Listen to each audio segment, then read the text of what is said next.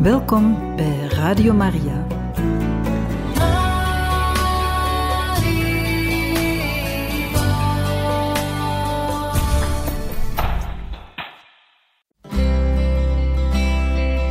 Welkom bij Boekat, een programma van Radio Maria.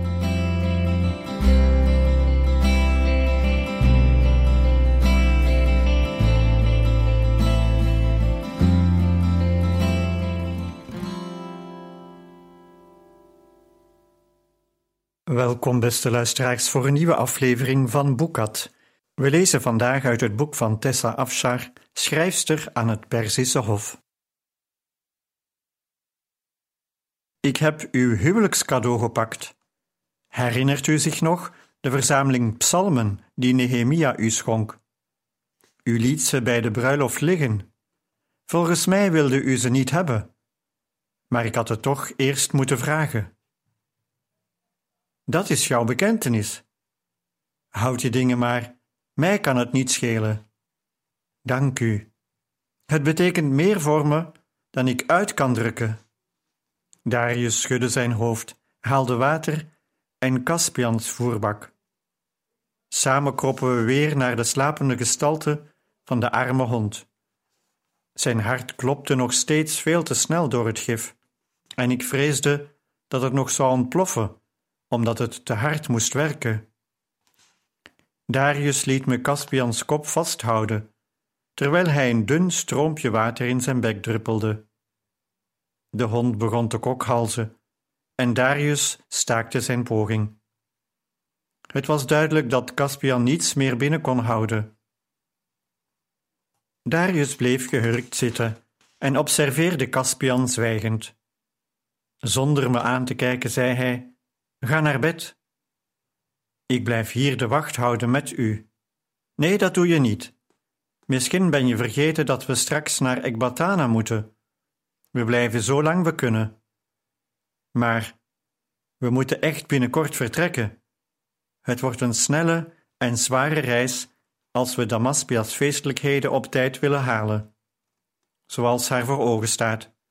Je zult je krachten nog nodig hebben en ik kan niet hebben dat je ziek wordt. Met een beetje pech krijg ik nog de schuld ook. Ik aarzelde, wetende dat ik hem eigenlijk diende te gehoorzamen, maar ik wilde liever bij de hond blijven. Wat als hij sterft terwijl ik slaap? Ik beloof je dat ik je wek, zodra er verandering optreedt. Ik aarzelde te lang en nu zwaaide hij met een priemende vinger. Bed. Hij zei het niet, maar aan de klank van zijn stem hoorde ik dat als ik niet snel deed wat hij zei, hij me er persoonlijk nog in zou gooien. Mijn bed stond in een alkoof die ik aan het oog kon onttrekken met een gordijn. Ik gooide mijn ochtendjas af terwijl ik die kant op liep en probeerde in bed te kruipen zonder Pari te wekken, die aan het voeteind lag te slapen. Het gordijn dat de nis scheidde van de rest van de ruimte was te doorzichtig om me uit te kunnen kleden. En daarom spreidde ik de veel te dure zijden lakens die Damaspia ons had geschonken, maar over me uit, zonder ze al te veel te kreuken. Vergeet niet me te wekken. Beloofd is beloofd, vrouw, en nou stil zijn. Ik dacht niet dat ik zou kunnen slapen, maar ik had mijn ogen nog niet gesloten of ik was al weg. Het geluid van een klop op de deur deed me rechtop in bed zitten. Het was Susan, die voor iedereen ontbijt had klaargemaakt en het zelf was komen brengen. Pari bewoog toen ik opstond. Ze onderdrukte een geeuw en zei: Hoe is het met Caspian? Ik wilde net bij hem gaan kijken. Het geluid van de stem van mijn man herinnerde me in alle ongemakkelijkheid eraan dat ik er volkomen verkreukeld uitzag en mijn haar net een vogelnest was. Goedemorgen, zei ik, terwijl ik naast de hond knielde. Hij was er nog net zo aan toe als gisteravond. Dezelfde onnatuurlijke diepe slaap, dezelfde snelle hartslag, dezelfde oppervlakkige adem. Maar hij vocht voor zijn leven en dat gaf me hoop. Het kon nog niet lang licht zijn Ik had dus maar een paar uur geslapen. Bardia was ook al op en vouwde zijn deken in nette vierkanten. Darius keek naar zijn kokin. Susan heeft een feestmaal gebracht dat een Egyptische farao niet zou misstaan. We kunnen maar beter wat eten. Ik heb uw manschappen al gevoed, heer. Ze dreigden met muiterij als ze niet te eten kregen. Dit is wat er over is gebleven. Susan droeg vandaag een ooglapje, waardoor ze eerder op een piraat leek dan op een zeer gewaardeerde kokkin van een aristocraat. Ik wist dat het betekende dat haar oog geïrriteerd was, anders zou ze dit nooit doen. Ik fluisterde zo zacht dat niemand anders het kon horen. Heb je zo'n last van je oog? Het gaat. Ik kon niet anders dan glimlachen bij de aanblik van al mijn vrienden om me heen. De bijzondere omstandigheden hadden de normale hiërarchische regels doen vervagen, meer nog dan anders. Het gebeurde niet elke dag dat ik met twee mannen in een kamer sliep. Ik waste mijn handen en gezicht en liet Pari mijn haar borstelen, waarna ik me bij Darius aan de ontbijttafel voegde. Zo onopvallend als het maar ging, dankte ik fluisterend God. Het was een ritueel dat ik al honderden keren had uitgevoerd, maar vandaag leken de woorden veel meer betekenis te hebben. Ik dankte God met heel mijn ziel voor al het goeds dat mijn kant op was gekomen. Ik had heel veel zegeningen om dankbaar voor te zijn. Toen ik weer opkeek, merkte ik opnieuw dat Darius me in zich op zat te nemen. Ik herinnerde me dat hij opgevoed was als Perzische prins en geleerd had de Perzische god Ahura Mazda te eren en te leven volgens diens principes.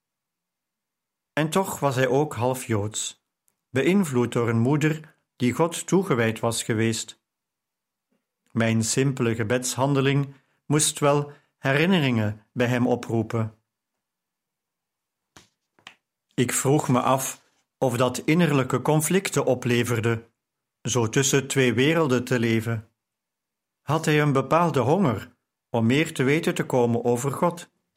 En als dat zo was, zou hij het dan wagen die honger te stillen, ook als dat impliceerde dat hij zijn dierbare vader teleur moest stellen. Ik besloot dat dergelijke vragen mij niets aangingen. Darius zou er niet blij mee zijn. Vooralsnog zaten we hier zo dicht op elkaar dat ik er maar mee moest leven, dat hij me zo nieuwsgierig in de gaten kon houden. Ik instrueerde mezelf eerst na te denken voor ik iets zei, me op mezelf te richten, discreet te zijn. Ik instrueerde mezelf zelfs heel streng maar was er toch niet zo zeker van dat ik me eraan zou kunnen houden. Is er al nieuws over Thijspes? Vroeg ik, mijn gedachten terzijde schuivend. Darius nam een hap van een perfect gebakken, nog warm brood vol zoete room en kweeperengelei. Nog niet. Hij leek doodmoe. Ik realiseerde me dat hij, voordat hij de hele nacht op was gebleven, om met een moeilijke en stressvolle situatie om te gaan, ook al de hele dag in het zadel had doorgebracht. Mijn heer, ik denk dat u zich misschien beter nu terug kunt trekken in uw kamer.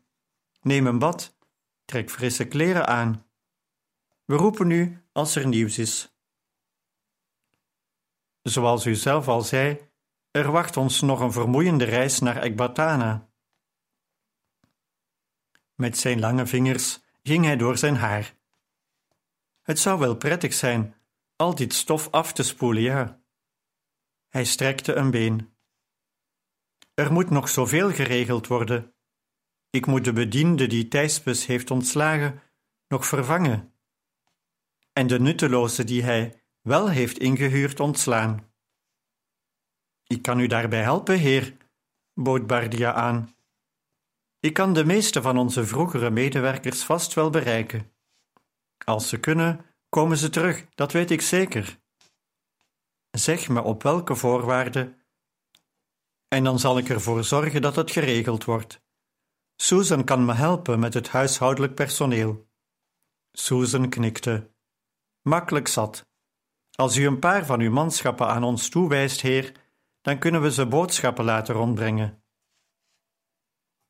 Darius grijnsde. Met jullie twee hoef ik misschien niet eens een nieuwe rentmeester aan te stellen. Hij zuchtte toen hij opstond. Al zal ik er toch maar naar op zoek gaan. Ik had hem zonder al te veel moeite zo drie namen van geschikte kandidaten kunnen geven. Maar ik zei niets, want ik ging ervan uit dat ik wel de laatste persoon was aan wie hij het beheer van zijn landgoed over wilde laten. Totdat we een geschikte rentmeester hebben gevonden, laat ik mijn persoonlijke schrijver hier bij jullie achter. Hij zal wat hulp nodig hebben voor de praktische kant van het runnen van een landgoed, maar hij kan tenminste de boeken op orde brengen en zorgen dat het nieuwe personeel correct wordt uitbetaald. Tot mijn verrassing richtte hij zich tot mij. Kun jij mij tot die tijd helpen als schrijver, mocht ik er een nodig hebben? Ja, heer, vanzelfsprekend. Dit moet een onaangename situatie voor je zijn. Je dacht met een aristocraat te trouwen, om vervolgens vast te moeten stellen dat je weer in de schoenen van een schrijver staat. Vrees niet, ik zal je zodra we in Ekbatana zijn, weer van die last ontheffen. De koning heeft ongetwijfeld betrouwbare contacten. Er is niets aan het werk als schrijver dat ik onaangenaam vind. Ik help graag. Hij trok een wenkbrauw op, zoals alleen hij dat kon. Het maakte me gek, want het leek de hele wereld met alles erin te, ter discussie te stellen, om nog maar te zwijgen van alles wat uit mijn mond kwam. Houd me op de hoogte. Ik zal je advies opvolgen en me terugtrekken. Bardia en Susan vertrokken eveneens om zich bezig te gaan houden met het inhuren van nieuw personeel. Pari bleef bij mij en hielp hem met de verzorging van Caspian. We probeerden hem tevergeefs nog wat water te geven en besloten hem in plaats daarvan maar te masseren. Ik betwijfelde of het voor hem ook maar iets uitmaakte, maar wij voelden ons tenminste iets beter. Het lange opblijven en de weinige uurtjes slaap begonnen hun tol te eisen, en ik gaf me over aan Paris goede zorgen, die me baden en mijn haar opnieuw deed. Het was warm geworden in mijn kamer, en ik wilde niets liever dan mijn oudste, meest versleten jurk aantrekken. Maar Pari overtuigde me dat ik gezien de aanwezigheid van heer Darius erbij moest lopen als een echte dame. En dus hees ik mezelf in duur Egyptisch linnen en nam mijn plekje bij Caspian weer in. Het leek mij nogal bespottelijk van die dure kleren als je naast een zieke hond ging zitten waken. Pari ging Susan in de keuken helpen. Susan, zo wist ik, zou blij zijn met uw hulp, aangezien het huis nu heel wat meer mensen herbergde, die allemaal gevoed moesten worden. Ik was voor het eerst in twee dagen alleen en vond mijn kamer opeens veel te stil. Mijn gedachten dwaalden af en ik dacht weer aan Darius' verzoek hem te helpen met zijn persoonlijke schrijfbehoefte, zolang zijn eigen schrijver nog in Ekbatana was. Ik voelde opeens opwinding. Dit, dit kon ik. Sterker nog, hier was ik goed in. Misschien zou hij me, als hij zag dat ik iets echt kon, wat meer waarderen. Hij zou wellicht leren mijn zekere waarde toe te kennen. Als ik hard werkte en aan zijn verwachtingen voldeed, zou hij misschien zien dat ik ook iets waard was. Misschien had God deze deur voor mij geopend, en ik klampte me koppig aan die hoop vast. Ik keek nog een keer hoe het met Caspian ging en stelde vast dat hij langzamer was gaan ademen. Ik legde mijn hand op zijn borstkas. Zijn hart bonste nog steeds volstrekt onregelmatig, maar leek zwakker geworden. Hij was nog altijd in diepe slaap. Ik probeerde hem wakker te schudden, maar hij reageerde niet. Ik besloot dat ik Bardia moest laten komen, zodat we samen konden beslissen of we Darius moesten informeren over de veranderingen. Darius had een van zijn mannen voor mijn deur op wacht gezet en ik verzocht hem de tuinman te gaan zoeken. Bardia arriveerde met een kom jasmijn in zijn handen. Om u op te vrolijken, meesteres, zoals hij zei. Sinds hij wist dat ik dol was op de geur van jasmijn, bracht hij mij ochtends vaak verse bloemen. Hij was het eens met mijn beoordeling van de hond en liep weg om Darius te informeren.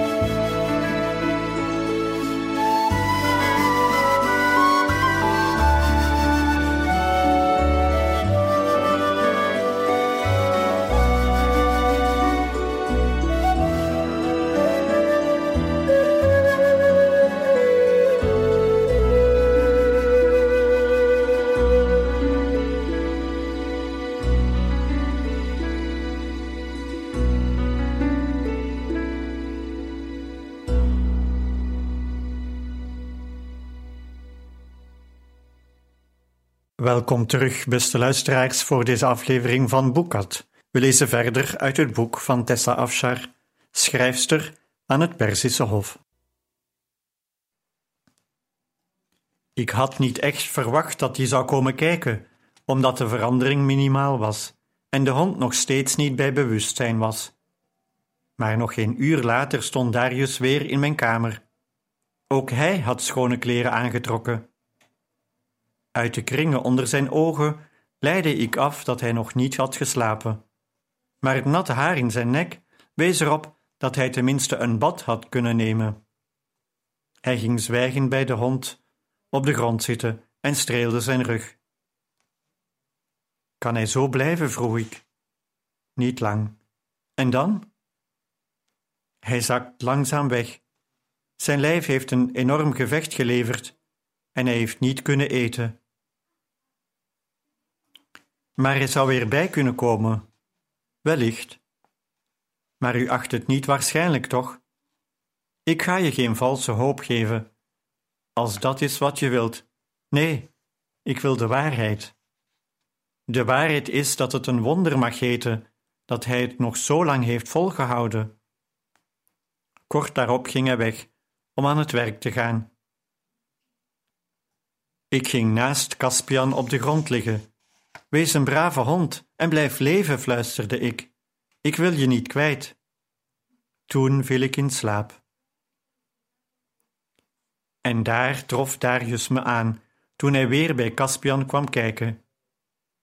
Waarom ga je niet naar bed? Hij wordt heus niet beter van jouw aanwezigheid op de grond. Ik kwam overeind. Ik wilde wakker blijven. Ik had over hem moeten waken. Dit is niet het soort situatie waarbij het erg veel uitmaakt of je nu wakker blijft of niet. Heer, wat als hij dagenlang zo blijft? Dat lijkt me onwaarschijnlijk. Zijn stem klonk somber. Hij denkt dat Caspian binnenkort doodgaat, bedacht ik. Ik begroef mijn gezicht in mijn handen, probeerde niet in tranen uit te barsten. Na een moment lang gezwegen te hebben, zei ik: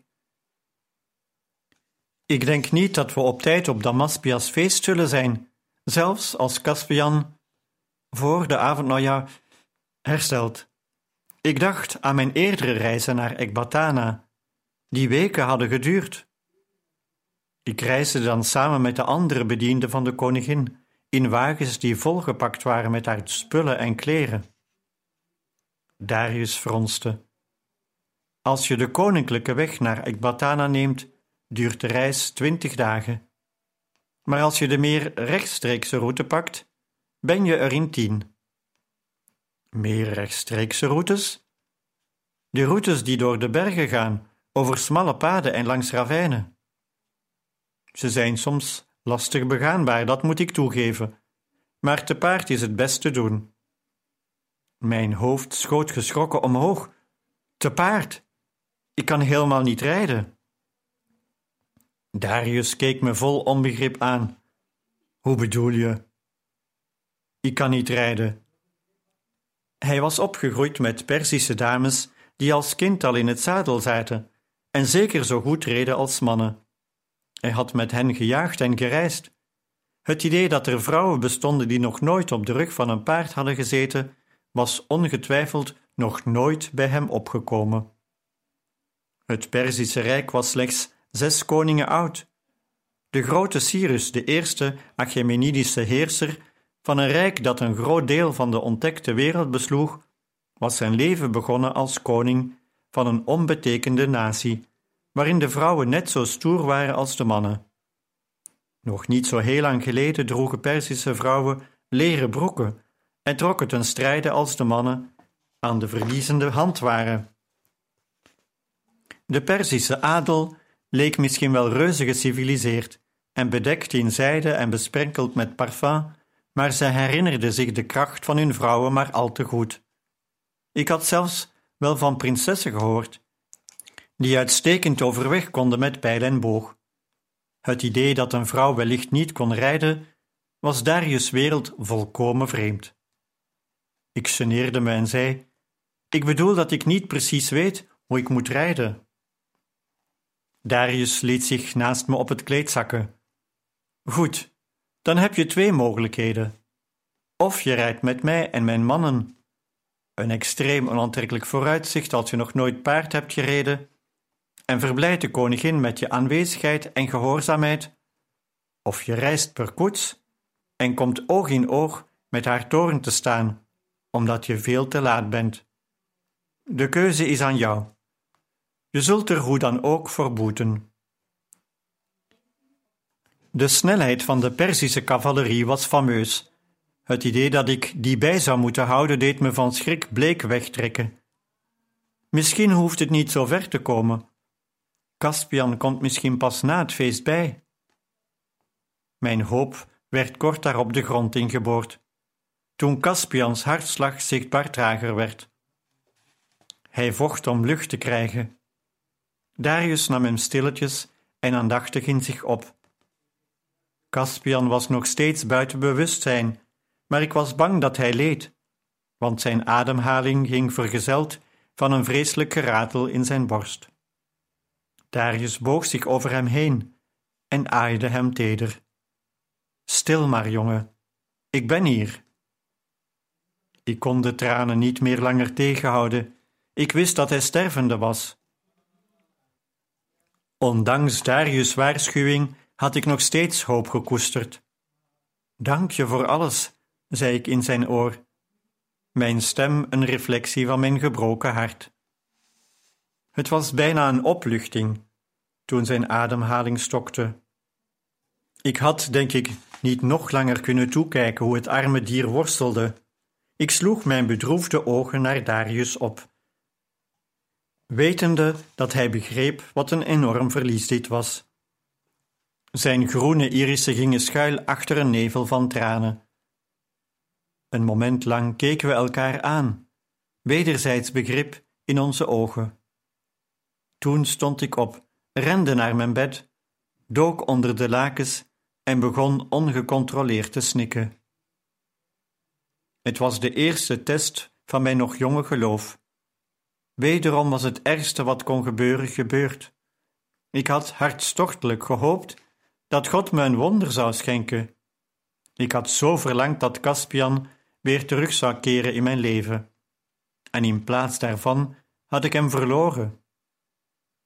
Ging ik me nu tegen God keren, omdat hij had toegestaan dat mijn trouwe metgezel het leven liet door toedoen van een laaghartige crimineel? Ging ik hem nu afwijzen, omdat hij zogenaamd niets om mij gaf of zwak was? Of zou ik me juist nu tot hem wenden om getroost te worden? Help me, bad ik, help mij u vast te blijven houden. Hij had mijn gebeden om Caspians leven te redden niet verhoord, maar dit gebed beantwoordde hij met ongekende snelheid. Ik voelde me opeens heel vredig worden, getroost. Ik voelde me omgeven door een aanwezigheid die zo echt was dat het haast een fysieke aanraking leek. Plotseling moest ik denken aan de ingewikkelde reeks toevalligheden die mij het leven hadden gered. De koningin die mijn man naar huis stuurde na maanden van afwezigheid. Zijn reis, die hem op het moment bij mij bracht dat ik op het punt had gestaan vergiftigde wijn te drinken. Caspian, die de kelk omver had gegooid en ervan had gedronken. Wat vreemd was voor een hond die nooit eerder had geprobeerd iets van mij te drinken. Als hij niet in mijn plaats was gestorven, dan zou ik het vergif vrijwel zeker binnen hebben gekregen. Het zou mijn hart zijn geweest dat vandaag gestopt was met slaan. Ik begon te beseffen dat mijn leven niet door toeval was gered, maar door een weldoordachte reeks gebeurtenissen die erop wezen dat God er de hand in had gehad. Mijn Caspian was niet voor niets gestorven. In plaats van me op zijn dood te richten, richtte ik me op dat wonder. God had Caspian gebruikt om mijn leven te sparen. Hij was helemaal niet onverschillig als het om mij ging. Hij had juist bewezen veel om mij te geven. Die gedachte deed me Caspian nog meer missen, maar het troostte me ook. Zijn dood was niet voor niets geweest. Hij had er mijn leven en mijn gezondheid mee behouden. Sarah. Het was de stem van Darius. Ik voelde hoe mijn bed doorzakte onder zijn gewicht, toen hij naast me kwam zitten. Kom je alsjeblieft tevoorschijn. Ik sloeg het laken wat terug en kwam overeind. Ik wist dat ik er niet uitzag met mijn rode ogen, vlekkerige huid van het huilen en haar dat alle kanten opstond. Wat me verraste, was dat ook Darius zichzelf niet leek. De perfecte hoeken van zijn gezicht hadden hun gebruikelijke schittering verloren. Ze leken nu een beetje week, met donkere, diepe kringen onder gezwollen ogen. Ik had me het liefst in zijn armen gestort om hem te troosten en getroost te worden. Maar gewoontes die ik al een heel leven had, waren niet zo gemakkelijk te doorbreken. En dus hield ik mezelf in, stijf en ongelukkig. Heer, Bardia en ik willen Caspian graag in de tuin begraven. Bardia dacht dat onder mijn wilg een mooi plekje zou zijn. Kom je mee? Ik vertrouwde mijn stem niet helemaal en knikte daarom enkel. Darius stond op om mij de gelegenheid te geven onder de lakens vandaan te komen. Ik streek mijn rokken glad en liet me uit bed glijden. Caspian lag onder een zachte doek van Egyptisch katoen. Darius tilde hem op. De hond was in levende lijve dan misschien groot geweest. In dode vorm leek hij gekrompen en kwetsbaar.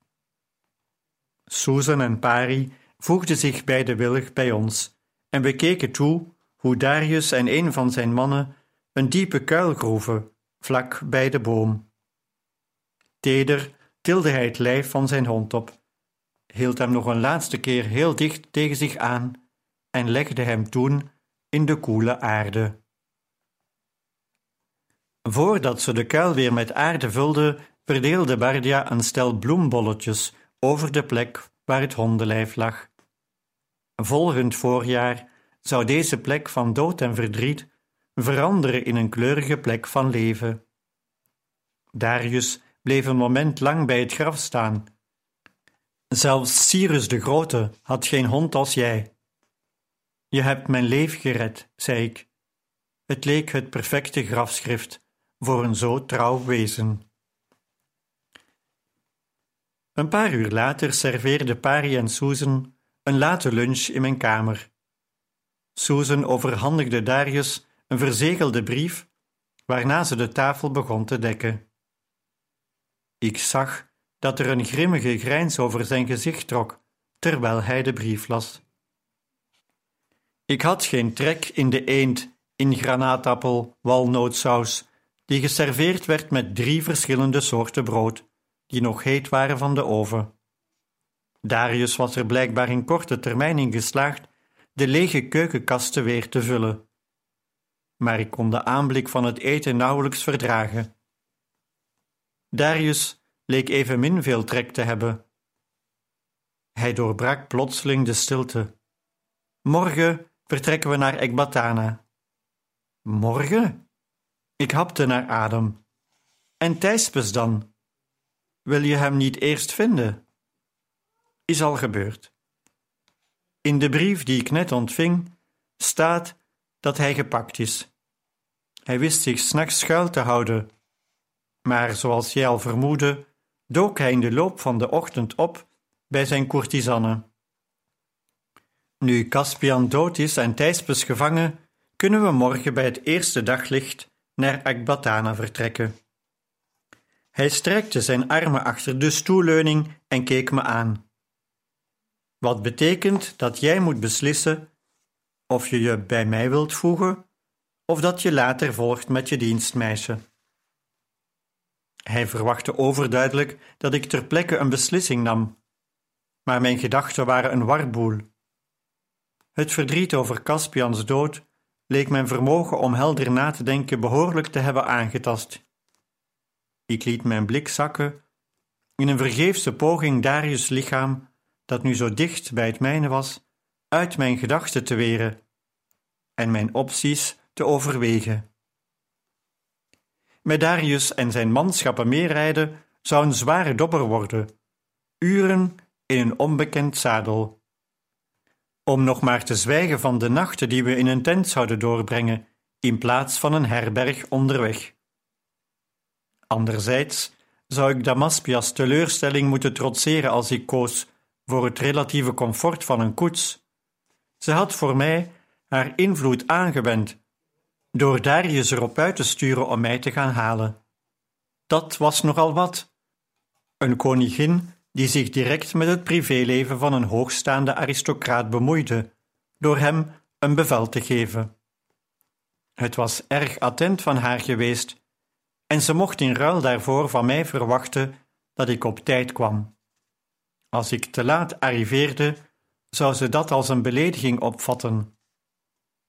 Dat ik een onervaren ruiter was, zou niet als geldig excuus worden gezien. Je kon de koningin van Perzië toch moeilijk zeggen dat een lange afstand te paard om haar te bezoeken te veel gevraagd was. En plotseling wist ik dat God me de kracht zou geven te doen wat juist was. Ik kan, denk ik, maar beter met u meegaan, Heer, als u mij tenminste kunt verdragen, want ik vrees dat mijn onervarenheid een blok aan uw been zal zijn.